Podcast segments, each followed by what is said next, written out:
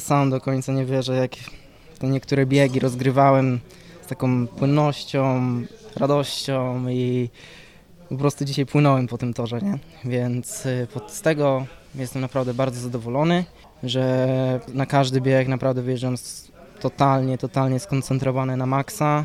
Za dużo też nie myślałem, po prostu skupiałem się tylko na naj, najbardziej istotniejszych rzeczach.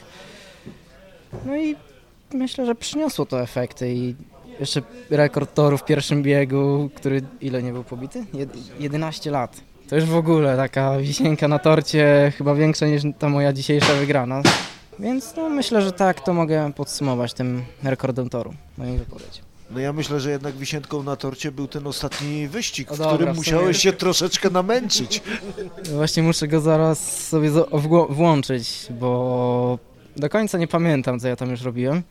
Tak, sam, tak samo jak w zeszłym roku w Pradze miałem wyścig finałowy i też do końca nie byłem świadomy, co tam się działo, ale skoro tak pan mówi, to musiał być to naprawdę dobry bieg.